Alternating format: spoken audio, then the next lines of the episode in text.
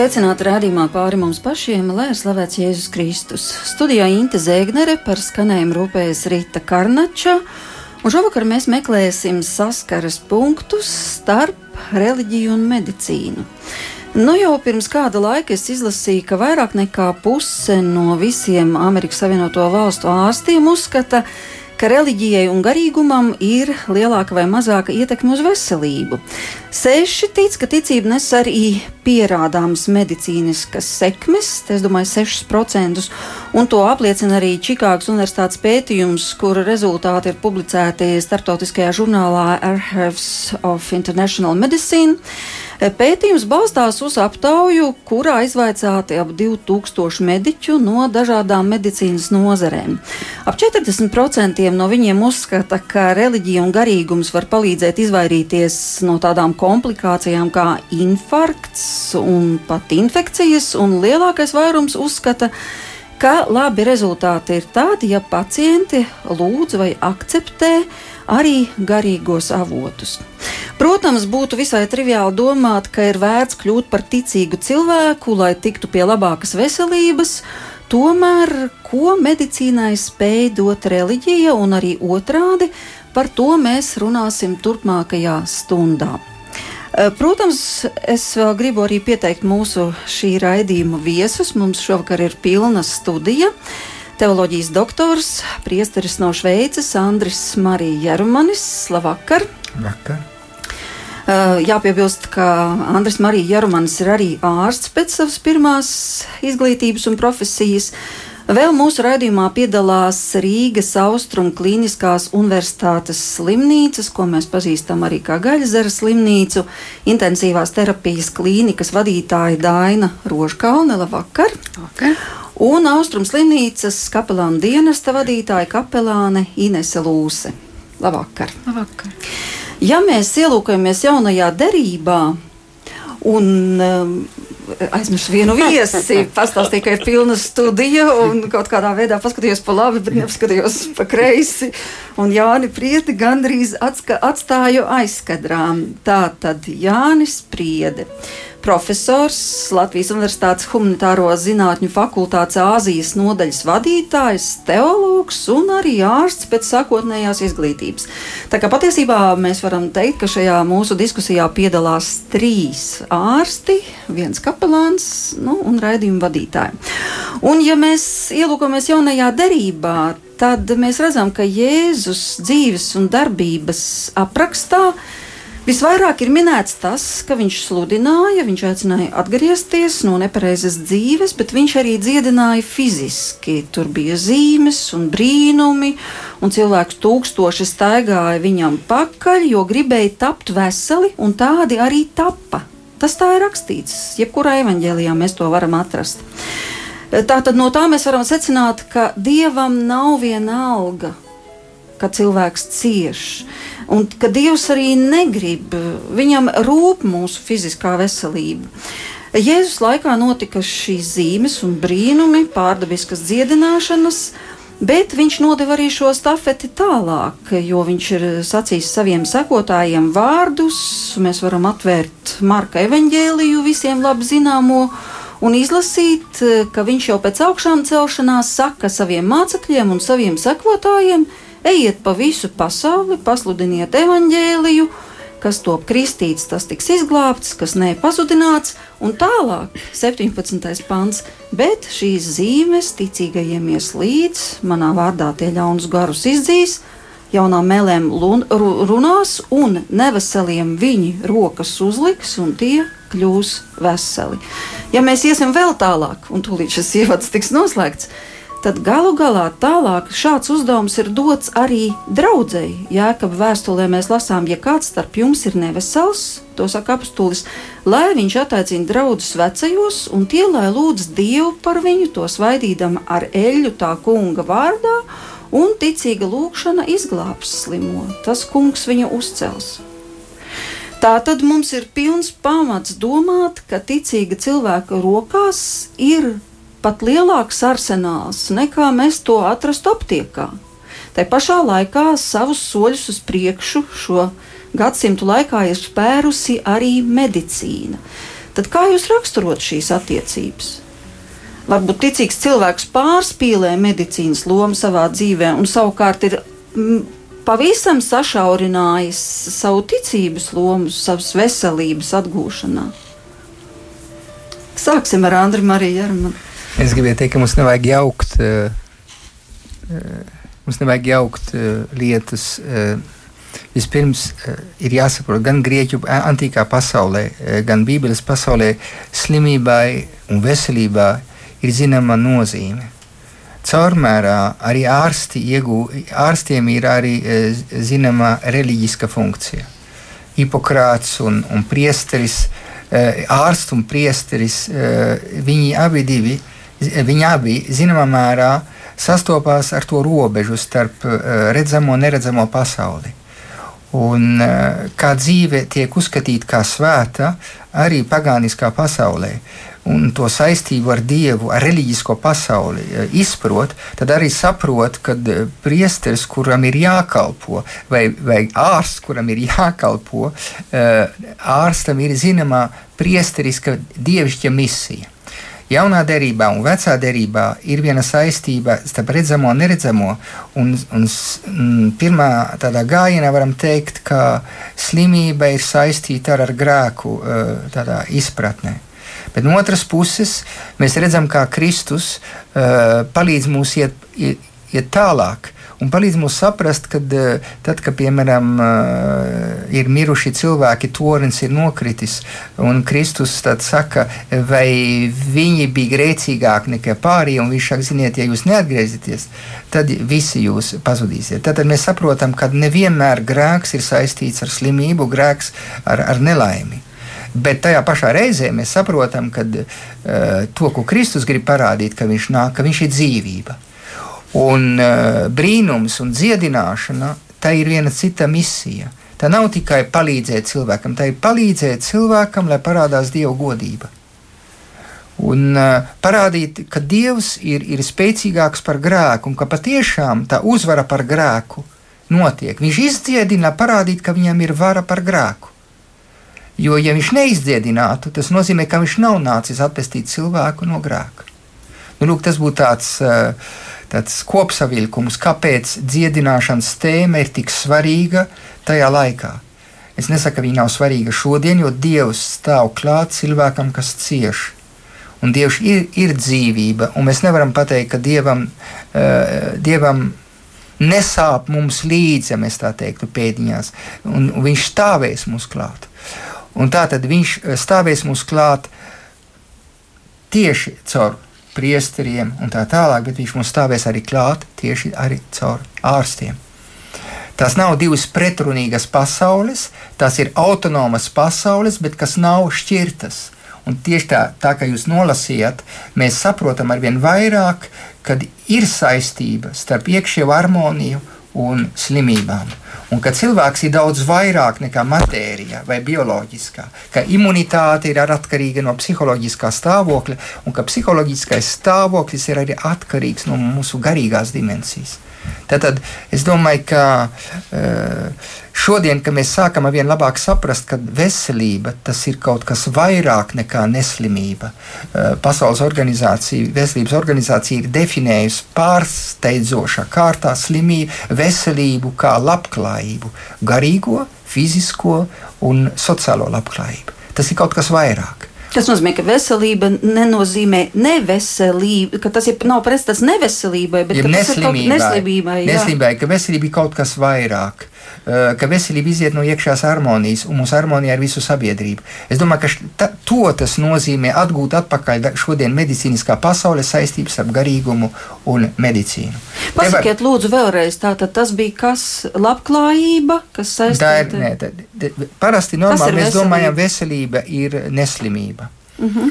Un, bet veselība ir tā, kā to definē tātad, Pasaules organizācija, medicīnas organizācija, kas ir ANO apvienotās nācijas aģentūra, speciālā aģentūra. Viņi to definē, es domāju, 87. gadā pārsteidzošā kārtā.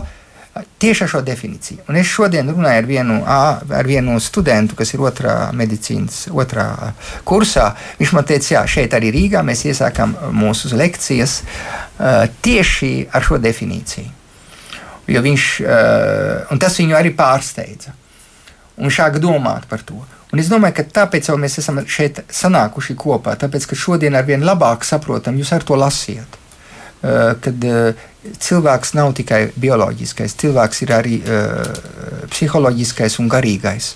Un tieši to mēs redzam slimnīcā, to mēs redzam uh, kā ārsti, to mēs redzam arī reanimācijā, mēs to redzam arī kā kapelāni. Un tāpēc šeit šovakar esam no daudzām pusēm, uh, pateicoties Intai, savesti kopā, lai, lai pārdomātu uh, šo, šo ārkārtīgi svarīgo tēmu gan baznīcai, gan kristīgiem, gan nekristīgiem, gan visai sabiedrībai. Ja Pasaules veselības organizācija definē veselību kā pilnīgu fizisku, garīgu un sociālu labklājību, tad jāvaicā, kurš vispār ir vesels. Jo mēs varētu varbūt runāt, ok, fiziska labklājība, tīra, labi kustamies, garīga labklājība, nu, kā kurš to uztver, sociāla labklājība. Nu, nav mums īpaši augstā līmenī. Nu, nu, tā varam, tad. Ne, es domāju, ka mēs esam, eh, ka mums ir jātīst daudz labāk medicīnas aprūpe Latvijā, kad mums to no daudzām pusēm ir jāskata, un ka mēs viens otram esam vajadzīgi un ka visai sabiedrībai jāstrādā kopā. Piemēram, eh, kā var ārstēt, ne, tik, ne tikai eh, un kā valsts var palīdzēt. Eh, strādājot vairāk uz prevenciju, tas nozīmē novērst slimību, padarīt cilvēkus atbildīgākus. Um, būt klāt arī, kad cilvēki mirst, būt klāt arī ciešanās, būt arī klāt, lai cilvēki īstenībā atrastu to atbalstu. Tieši tāpēc es, es domāju, ka labklājība ir, ir tā daudzveidība, kas parādās šajā definīcijā, uzliek ar daudz lielāku pienākumu uh, politiskai pasaulē. Tādā nozīmē, uh, ko nozīmē rūpēties par veselību, piemēram, Latvijā, bet pasaulē. Un tas saista vienkārši, tas mūs saista daudz vairāk viens ar otru. Un šeit parādīsies tas jautājums, kā profesors Priedi teica pirms šī raidījuma, uh, ka šī, šajā pasaulē ārsts Eh, sastopās ar redzamo un neredzamo pasauli, ar uh, cilvēka psiholoģisko, garīgo un fizisko. Vai tas tā nav jūsu pieredzē? Nu, tā ir gan, protams. Un cilvēka dzīvība jau ir tāda lieta, ko neviens līdz šim tā īstenībā nav sapratis, kas tas ir. Ja mēs redzam mirušu cilvēku, piemēram, viņam ir visi orgāni, viņam ir kājas, un rokas un smadzenes, un viss viņam ir, viņam nav dzīvības. Un kas ir tā dzīvība? Kas ir tas gars? To, tas nav tā aptverams nemaz, bet viņš tur ir, un tā dzīvība ir, un tā dzīvība atkal nav. Protams, ka cilvēks ir arī garīga būtne. Viņai ir gars, kas ir ietērps miesā, un ka tā miesa beidz pastāvēt, kur tad paliek tas gars. Nu, tas ir teoloģisks jautājums, par to es nediskutēšu, par to, lai teologi runā.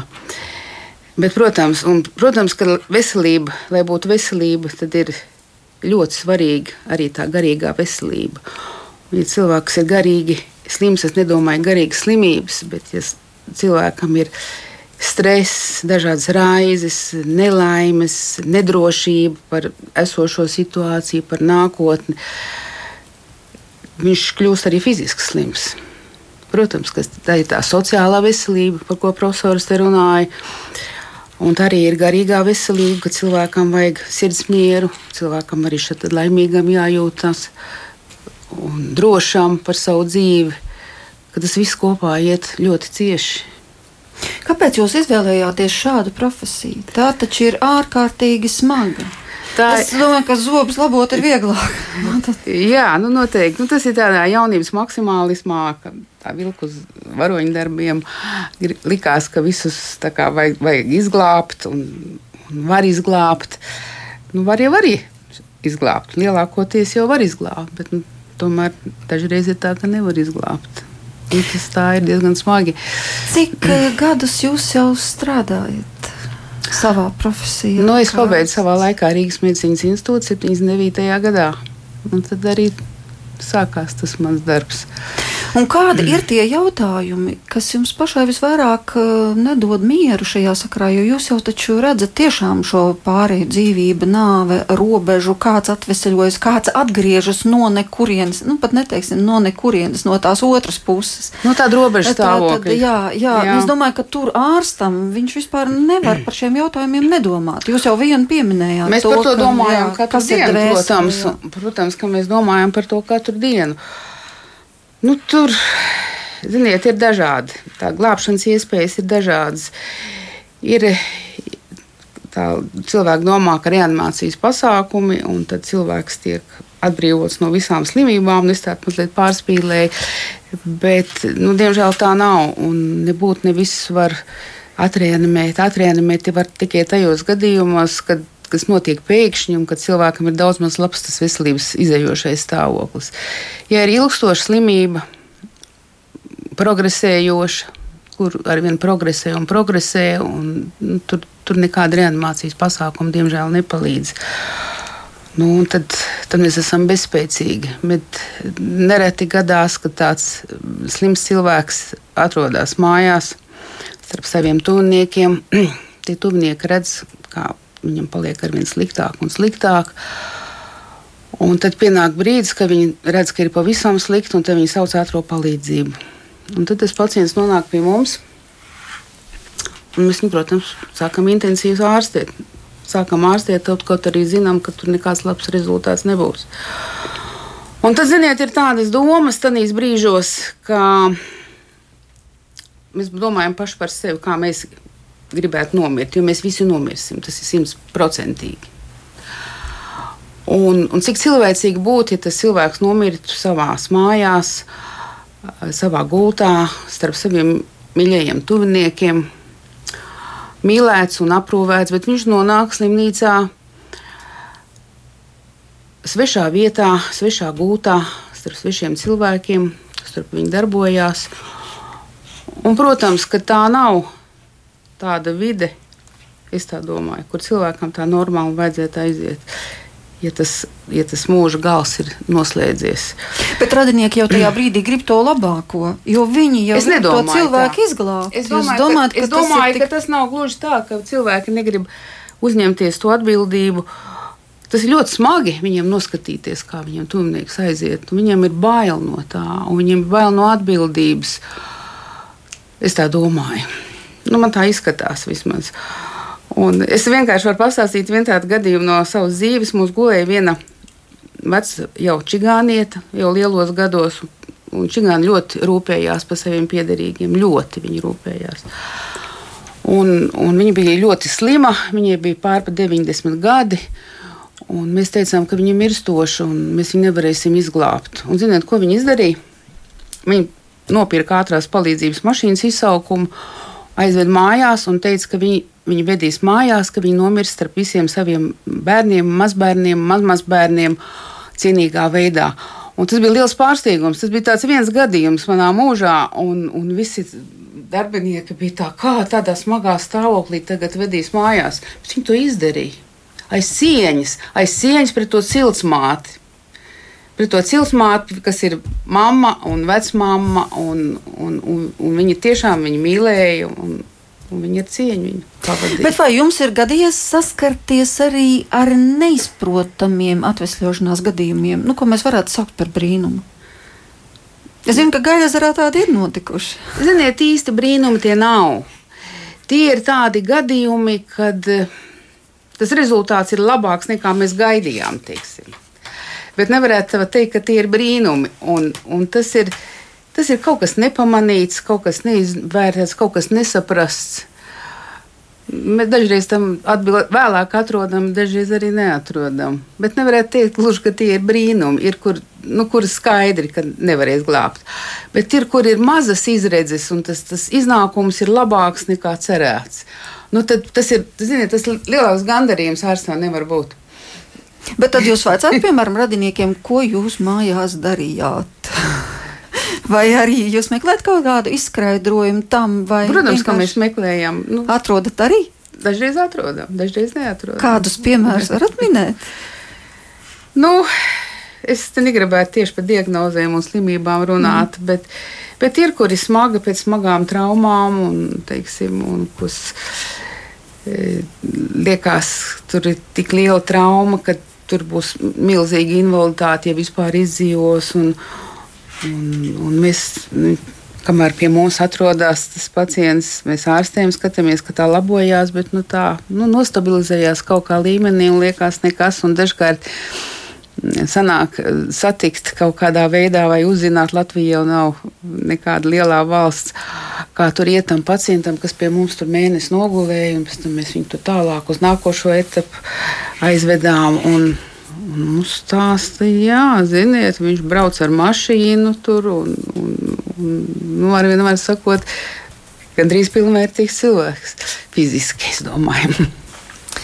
Skaisti, tā arī skaista liecība. Nu, viss tam mēs droši vien nevarēsim atcerēties, bet skaidri atceros, par to bija arī raidījums, kā viena meitene savā jaunības muļķībā aiz neatbildētas mīlestības bija sēdusies zāles. Neteikšu, protams, arī kādas, bet rezultāts bija tāds, ka viņa nonāca gaļazarā un viņai aknas bija pagalam, pavisam pagalam. Un tad pie viņas skrēja priesteris, tepat no vecrīgas Viņa saprata, ko izdarījusi. Viņai bija grēksūdze, viņa to visu nožēloja un notika brīnums, viņas aknas atguvās. nu, jā, tas tika filmēts, tas arī ārsti par to runāja. Tas jā. bija gadījums jau tiesa pirms kādiem gadiem, vismaz 15 vai 20, bet bija tā kā, nu, ja atgriežamies pie svētajiem rakstiem.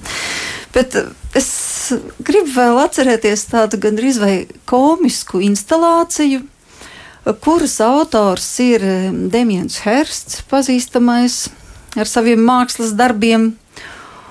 Un nu, pat nesen Korejā, viņa modernās mākslas muzejā, tur bija viena viņa instalācija, kas bija tāds pa visu sienu zāļu skapis ar daudzām, daudzām pudelītēm, buļģiņām, tūbiņām, protams, medicīniskām, tātad kārtīgs zāļu skapis.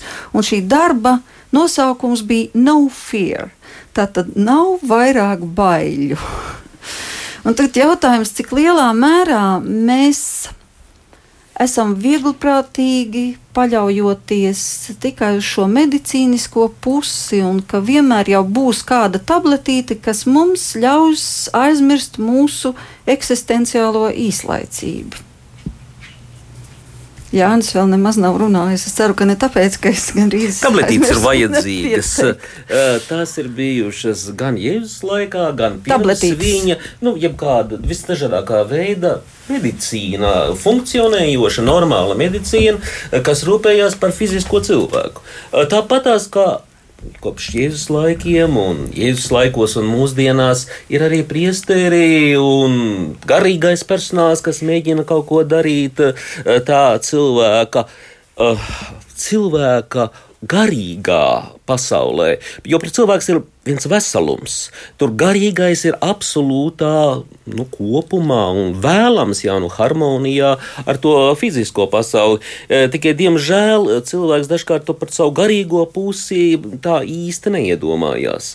E, tādēļ e, tās zāles no vienas puses, protams, ir ļoti vajadzīgas, un vismazāk ir mums vajadzīgi šarlatāni, kas apsola izdziedināšanu bez zālēm. Jā, atnākot, uzliksim rokas, un uzreiz viss būs labi. Tā kā es domāju, ka mēs atrodamies šodien tādā brīnišķīgā kompānijā šeit, kur varam runāt gan par garīgo pasauli un tā saskarsmi ar fizisko pasauli, un kur, un kur tā ir visredzamākā, ir slimnīcā. Starp citu, par roku uzlikšanu notiek arī tā. Nu, jā, protams, daudz kas, cil, tādēļ cilvēks ir veselums. Cilvēks ja, ir arī ja viņam, ja viņam ir labāk garīgi, tas skaidrs, ka viņam būs arī labāk fiziski. Tas korelē, bet tas uh, nav tā, ka viens absolūti ietekmētu otru. Tas, protams, ir ārkārtīgi svarīgi, es teiktu, un tādēļ, jā, uh, es domāju, tas, ka cilvēks saprast, saprastu sevi, saprastu, ko viņš vēlas. Ne tikai cieš, izvairīties no ciešanām, tur tās tabletītes, tāpēc tās skats ar tām milzīgajām tabletītēm, ka tabletītes tiks galā visām ciešanām. Jā, Nē. man ļoti patīk tas, ka vairāk mums no kā nav jābaidās. Jā, un, tur tāda, un tur tāda ironija ir iekšā, ja tajā zāles skapī. Ar, ar vienām zālēm mani izdziedinās, un tā kā būs slikti, tad būs eitanāzija. Tad, tad tā viena pudelīte vislabāk palīdzēs. Apmēram tāds tas varbūt tam zāļu skapim neskatījums. Mm, bet es teiktu, ka cilvēks neapzinās to, ka Viņš jau taču grib būt vairāk kā tikai brīvs no ciešanām. Viņš būt, grib būt priecīgs, laimīgs, braukt ar mašīnu, uh, arī laimīgs. Viņš laimīgs, vēlas būt. Vēlme pēc un, laimes. Tieši protams. tā. Un, uh, Tā ir veselība, ja mēs varam to sniegt cilvēkam šo garīgo pilnību, uh, fizisko, veselību un, protams, šo sabiedrības veselību, jo sabiedrība mums ir vēl slimāka un, teiksim, nu nav viņa intensīvajā terapijā pašreiz, bet uh, daudz netrūkst. Jā, tu tikko teici, ka patiesībā gandrīz visai sabiedrībai būtu nepieciešama tāda intensīvā terapija. Tas bija kā domāts šie vārdi? Es domāju, gan medicīnas aprūpi, kura Latvijā ir mm, ļoti slikti finansēta un praktiski strādā tādos kara lauka apstākļos, kur ārsti dara visu iespējamo, no viņiem sagaida brīnumus, apmēram tādus kā no Jēzus, bet uh, kaut kādu jēdzīgu palīdzību nu, velti cerēt. Tādēļ es domāju, ka pirmkārt tā ir medicīnas aprūpe, kura ir tādā diezgan kritiskā situācijā, un otrkārt tas, es teiktu, ir pats sabiedrības domāšanas veids arī jautājumos par to, Nu, kas tad ir cilvēks un ko viņam galu galā šajā dzīvē vajag, lai viņš būtu laimīgs? Mm -hmm. Tas ir jautājums par cieņu, cilvēku cieņu. Te visā pasaulē runā, ka medicīnai vajag personalizēties, kā saka, jo mēs esam depersonalizācija. Tas nozīmē, ka medicīna ir īstenībā necilvēciska. Cilvēks tiek traktēts kā lieta, kā robots, kā numurs.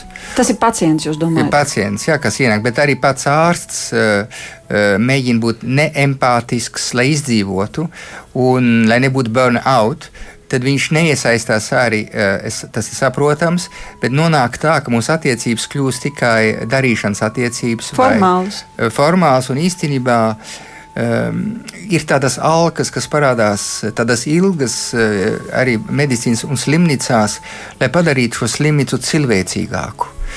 Un šī īstenībā slimnīca, kas ir pēc manām domām viena no vissvarīgākajām vietām sabiedrībā, kur var redzēt, un tieši kur var redzēt, ka mēs esam slimi kā sabiedrība. Kā mēs traktējam cilvēkus. Mums ir bailes no slimajiem, mums ir bailes no tiem, kas nomirst. Mēs mēģinām viņus attālināt. Ne, mēs tur, vienkārši mēģinām par tām lietām nedomāt. Jā, mums ir pat bailes parādīt bērniem, kad ir slimi un cilvēki, kuri nevar atvesaļoties. Tad, tad, bet, jo mūsu sabiedrība mēģināt, mēģina aiztaisīt acis ciet uz to, kas mēs esam. Mēs neesam mūžīgi. Mums būs jāmirst. Mēs esam trausli. Un tas ir jautājums par metafiziku, tas ir jautājums par garīgumu.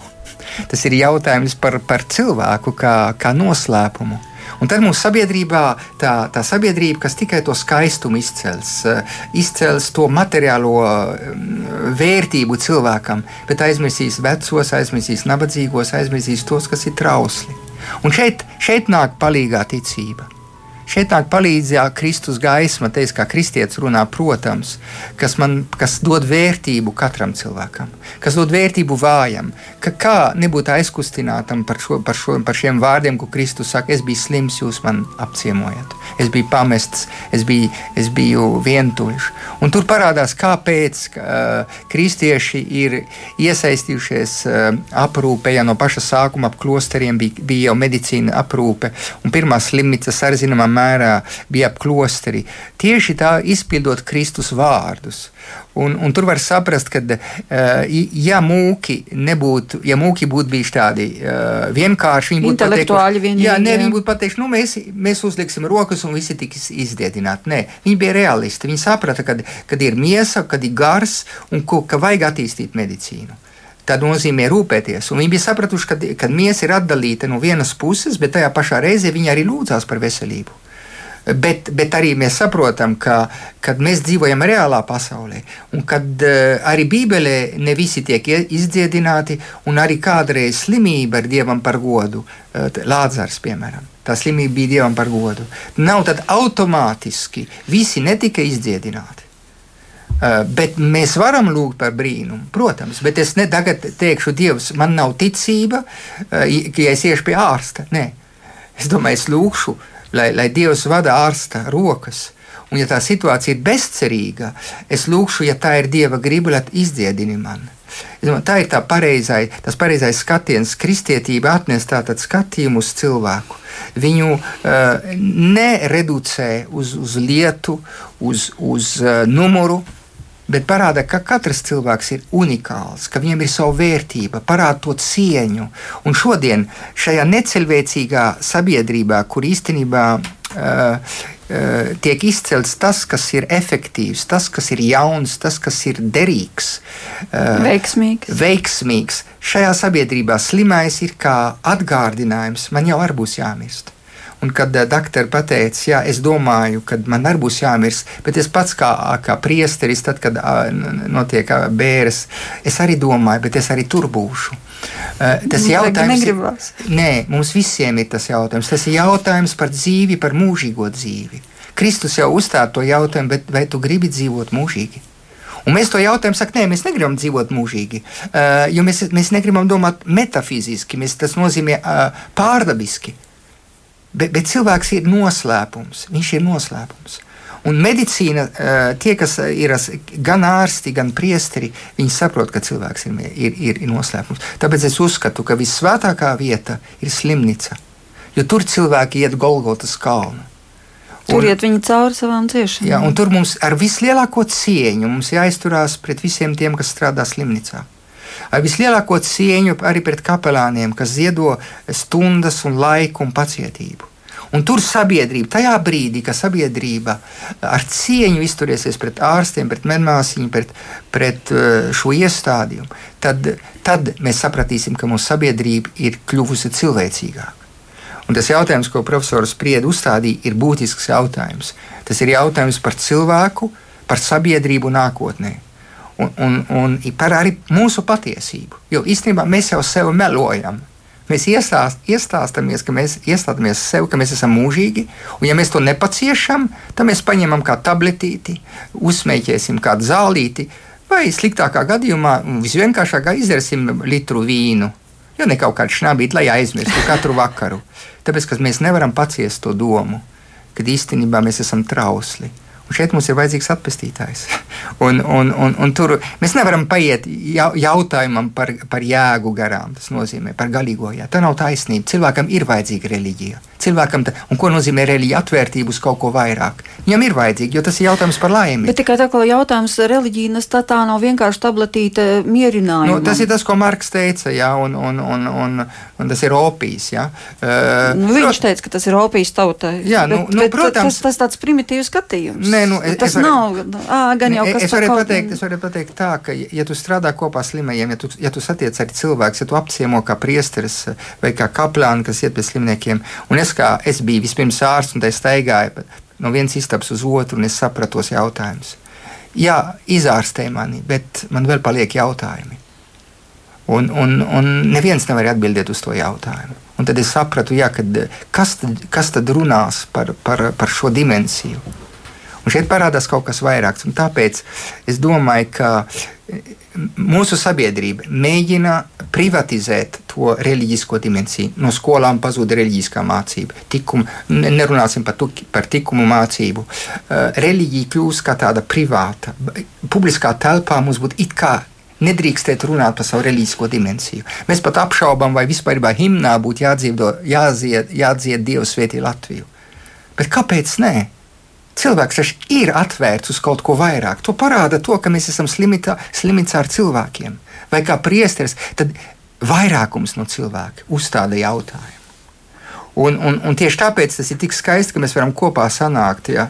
Šīs divas pasaules sanāk kopā un pazemīgi saka, ja kopā sadosim rokas, rokas šajā valstī, lai padarītu šo, šo medicīnisko aprūpi cilvēcīgāku. Kādus jautājumus jums visvairāk uzdod tie pacienti, pie kuriem jūs dodaties?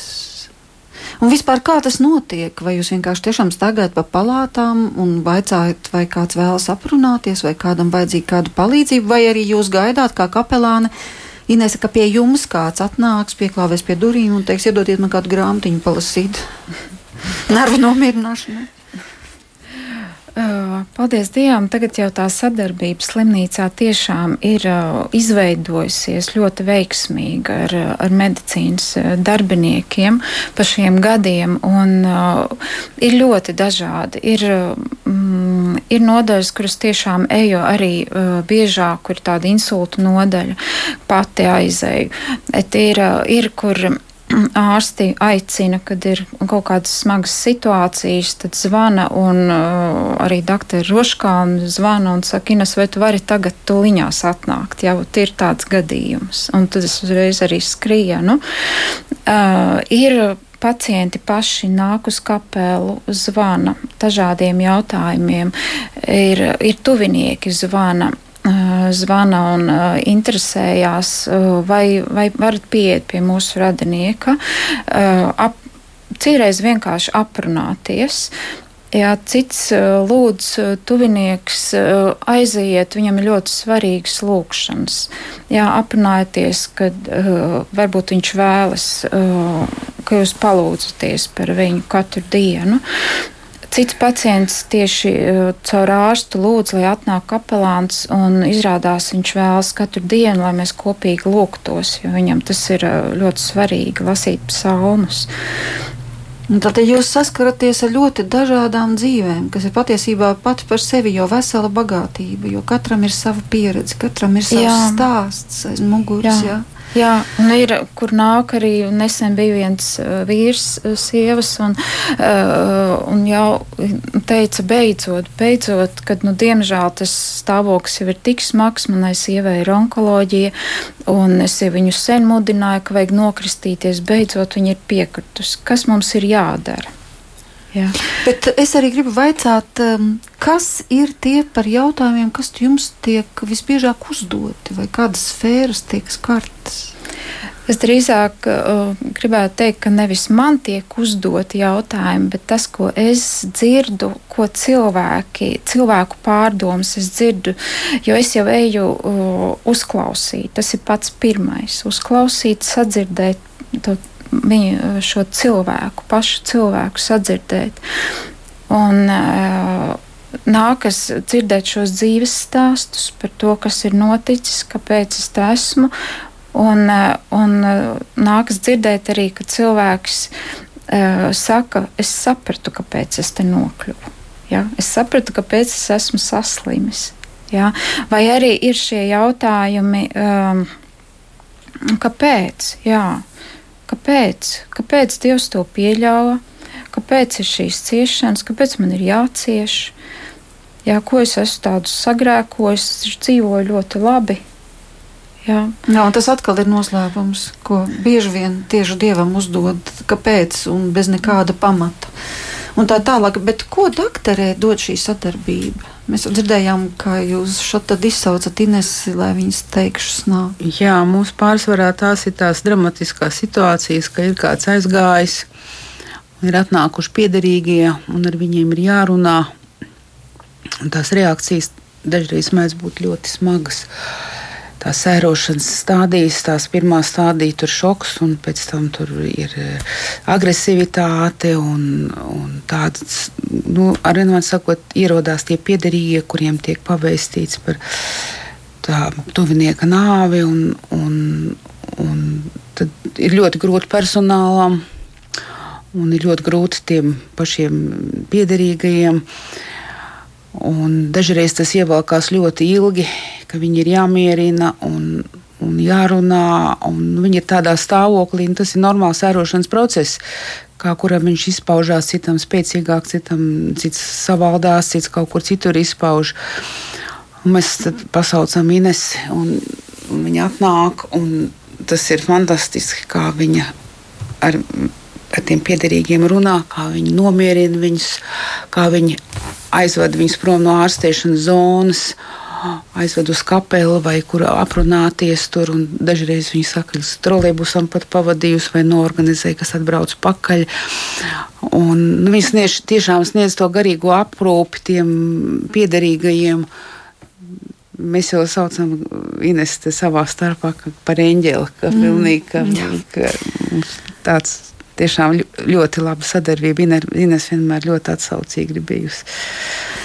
Es tomēr gribu pieskarties vēl vienam aspektam. Tas ir tā, vēl šodien, pirms iešanas uz raidījumu, es tā padomāju, bet patiesībā taču ir tā, ka pat mūsu ķermenis mums nepiedara. Ka mēs neesam saimnieki pat par mūsu ķermeni. Nu, eks, nu kā, nu tā nē, nu, bet, protams, mums taču ir jārūpējas, mums fiskultūra, tas un ūdens no rīta un, un valdarjāņa vakarā.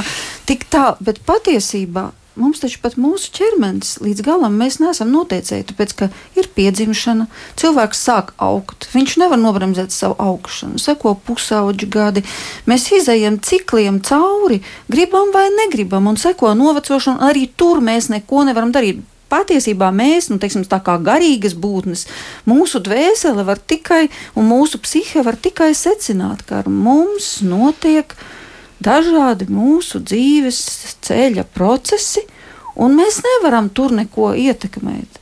Tas nozīmē, ka mums arī šajā aspektā ir jāmācās pazemība un arī tā pieņemšana. Un tā pazemība un pieņemšana, manuprāt, nākas ļoti grūti, jo kaut kur mūsos dzīvo tas proces, protests pret to. Es teiktu tā, ka mums ir uzticēts šis ķermenis, tāpat kā mums ir uzticēta sabiedrība, kā mums ir uzticēta šī pasaule, brīnišķīgā daba, lai mēs par to rūpētos.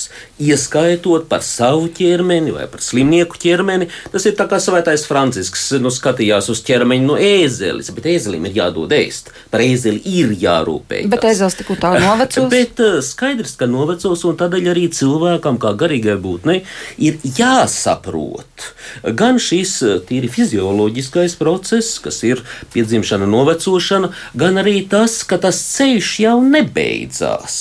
Ka tas ir tā, ja cilvēks iekāpa vilcienā un tagad brauc uz Berlīni, tad jau viņš nav vienkārši nomiris tāpēc, ka viņš vairāk Rīgā nav. Viņš ir aizbraucis uz Berlīni. Un tā ir jāsaprot arī šie cilvēki cilvēkam pašam par sevi, kā pienāks brīdis, kad nu, jā, nu, tas vilciens dosies tālāk. Uz Berlīni.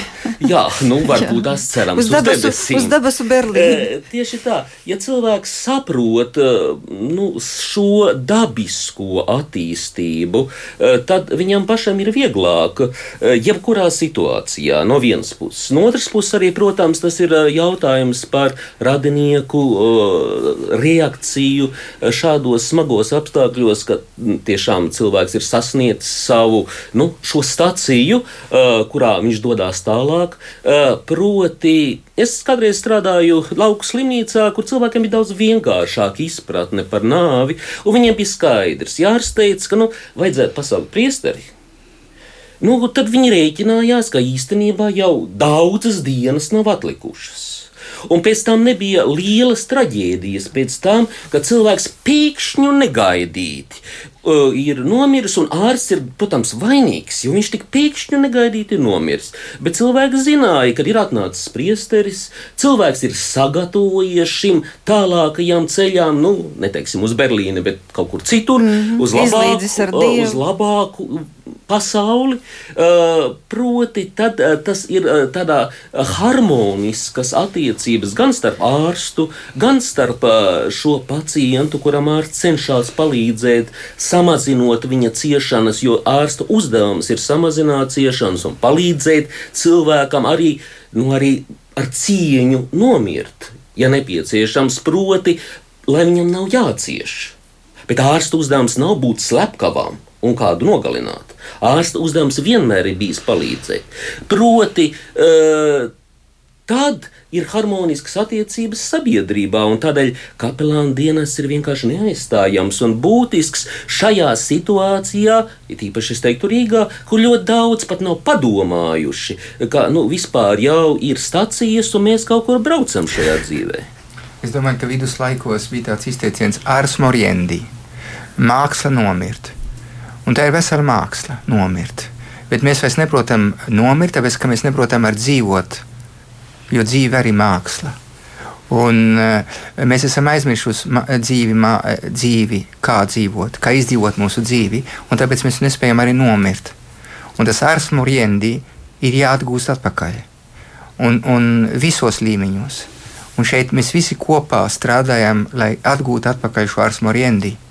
Tas, būs, un tieši tāpēc arī uh, tiem cilvēkiem, kas saka, mums nav vajadzīga ticība, mums, vajag nav, mums nav vajadzīga reliģija, un kad reliģija tas ir kaut kas primitīvs, uh, kaut kāda primitīva izpausme, es tieši otrādi pateikšu, tā ir nobrieduša cilvēka izpausme. Tas ir cilvēks, kas ir sācis domāt un, un sācis saprast, ka īstenībā visa dzīve ir māksla. Un kad izprast savu garīgo dimensiju, uh, ir tieši absolūti nepieciešams, lai es būtu par cilvēku lai es būtu tāds, eh, kādam man ir jābūt, lai es atgūtu cieņu un es lai citus cienītu. Un lai nekad neizmantotu uh, cilvēku kā līdzekli, lai sasniegtu arī labu mērķi. Es domāju, tieši tas ir par to, ko mēs gribējām runāt šovakar, cik es sapratu, un, un turpinot mūsu diskusiju, kas bija Gaļezarā pirms pāris dienām. Uh, un, un, un šī sabiedrība ir, ir pelnījusi daudz vairāk. Un, uh, arī ārsti ir, ir, ir, ir cieši no slimībām. Viņi paši uh, ir saka, ievainotie terapeiti. Uh, cik daudz ārsti nepiedzīvo burnout, izdegšanu. Uh, izdegšanu. Mm. Un, un, uh, un, un tieši tāpēc mums ir jāsaprot, ka mēs kopā ar ārstiem, jebkurš katrs cilvēks, esam arī atbildīgi par veselību. Jo arī es esmu atbildīgs par manu veselību, kā uh, profesors Spriede teica. Tā ir atbildība. Mana brīvība ir atbildīga brīvība. Es jau varu sevi iznīcināt, protams, bet es arī varu būt atbildīgs par manu brīvību, par otru cilvēku brīvību, par visu sabiedrību.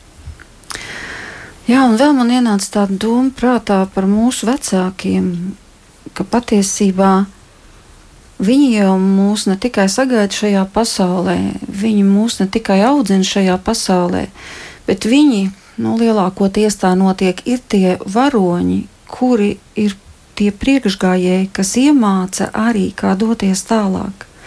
Ja viņiem ir tā ticības dimensija, tās mammas ir varonis, tie tēvi ir varoņi, kuri vienkārši dodas atvērt tās durvis pa priekšu. Un es domāju, ka bērniem tomēr ir lielas pārdomas par to, arī liela cieņa, un varbūt, ja līdz tam nav bijis, tad tajā brīdī pat izšķiļās tā ticības dzirkstele un sākās cita sapratne. Vēl man ļoti patika, kā jūs reiz raidījumā teicāt, ka cilvēks tas ir spiritus inkarnatus, jeb iemiesojies gars. Jā, es, un, es domāju, ka e, īstenībā tad, kad nomirst mūsu vecāki, tad kaut kas no mums nomirst. Tad iestājās tāda gudrība, jebkurā katrā vecumā. Jo, kad nomirst vecāki, kaut kas no mums nomirst, un mēs sākam domāt. Eh, un, un mēs esam, ir vajadzīgs domāt, pārdomāt. Zināmā mērā jāatgūst atpakaļ šo gudrību, kas ir vairāk nekā inteliģence. Tā ir sirds gudrība. Mums vajag izglītot sirds gudrību. Jo, ja nebūs sirds gudrība, tad mēs aizmirsīsim, ka mēs esam cilvēki. Tad mēs atdosim mūsu dzīvi robotiem, mēs uzskatīsim citus par numuriem. Un īstenībā mēs būsim zaudējuši mūsu vietu pasaulē, jo citi to ieņems - mašīnas, roboti. Bet, Bet uh, mums vajag sirdi. Sirdi. Mums, ikvienam ir vajadzīga sirds, jā. kas mīl. Ziniet, sirds, kas līdzjūt. Man bija tāds pētījums, ar, pētījums bija tāds, kuri ir tie, kas vislabāk paļatīvo aprūpi izdarīja. Tas ir sievietes. Kāpēc? Tāpēc, ka viņas kā mātes ir iemācījušās uh, maigumu, Un cilvēkam, kas aiziet, viņam ir vajadzīgs maigums, mātes maigums. Un tieši tāpēc sievietes ir vislabākās, kas spēj pavadīt cilvēkus. Arī cilvēkiem, kas dzīvo, ir vajadzīgs gan līdzjūtība, gan Jā. maigums, gan sapratne, gan cieņa pret otru. Un to visu jau kristietība arī māca.